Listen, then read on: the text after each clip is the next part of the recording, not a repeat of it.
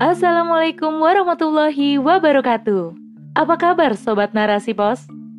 Kembali lagi bersama saya Giriani di podcast Narasi Pos. Narasipos.com Cerdas dalam literasi media, bijak menangkap peristiwa kunci. Rubrik Opini. Kapitalisme melahirkan Homo homini lupus oleh Dia Rini. Manusia adalah makhluk yang secara fitrah tidak bisa hidup sendiri di dunia. Manusia senantiasa berhubungan dengan makhluk lain dalam rangka melangsungkan kehidupannya.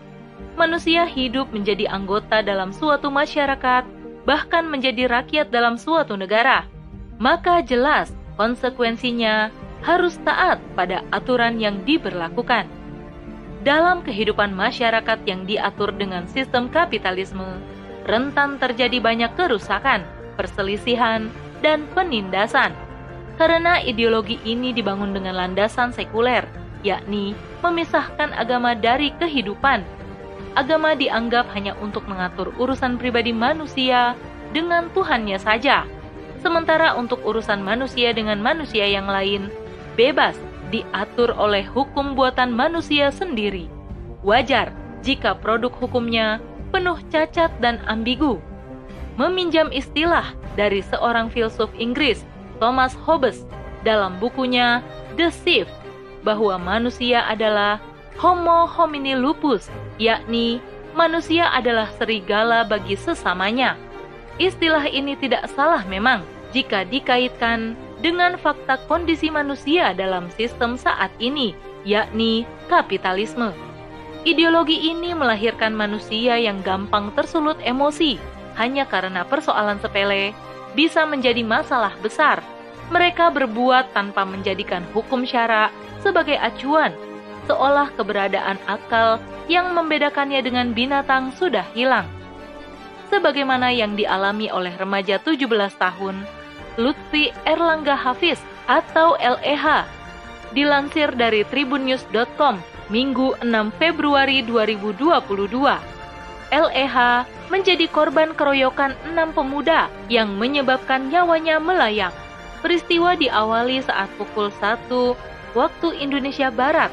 LEH keluar rumah dengan mengendarai motor hendak mencari kucingnya yang hilang. Pada saat itu, ia berpapasan dengan enam pemuda tersangka. Kemudian terjadi adu mulut. LEH tidak terima dituduh maling. Anehnya, enam pemuda tersebut lalu mengeluarkan senjata tajam dan berhasil melukai kepala LEH. Dengan banjir darah, LEH berusaha kabur dengan motornya. Nahas, walau sudah berusaha menyelamatkan diri, akhirnya LEH ambruk dengan motornya. Lebih tragis lagi, enam pemuda tersebut masih beringas memukuli korban hingga akhirnya korban meninggal dunia tak jauh berbeda nasib yang dialami kakek berusia 89 tahun pada bulan lalu, tepatnya pada Minggu 23 Januari 2022. Kakek Wianto Halim menjadi korban keberingasan masa hingga menemui ajalnya.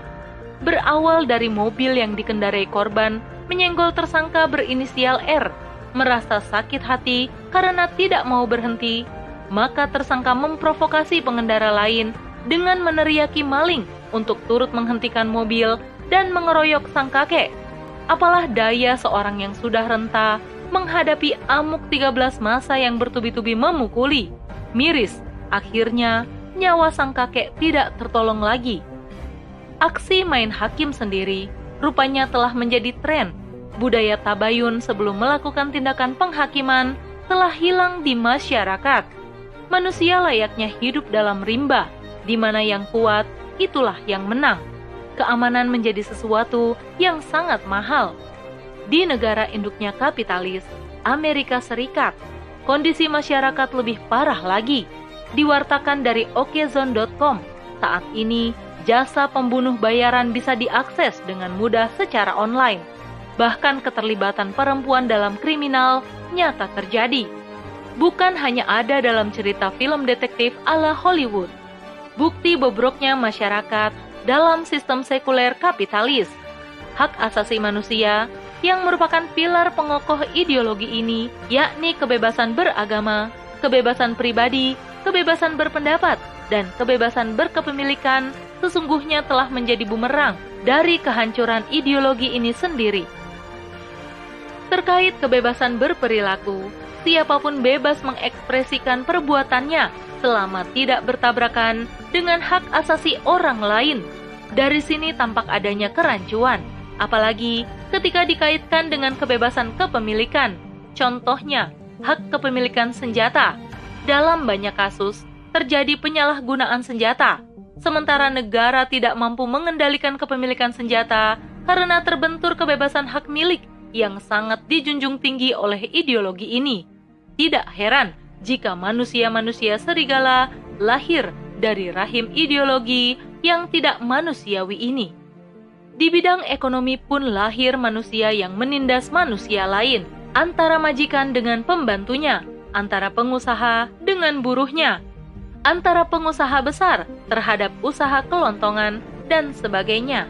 Begitu pula di bidang politik, dalam sistem demokrasi misalnya, tidak ada kawan atau lawan yang abadi, karena yang ada sesungguhnya adalah kepentingan yang abadi.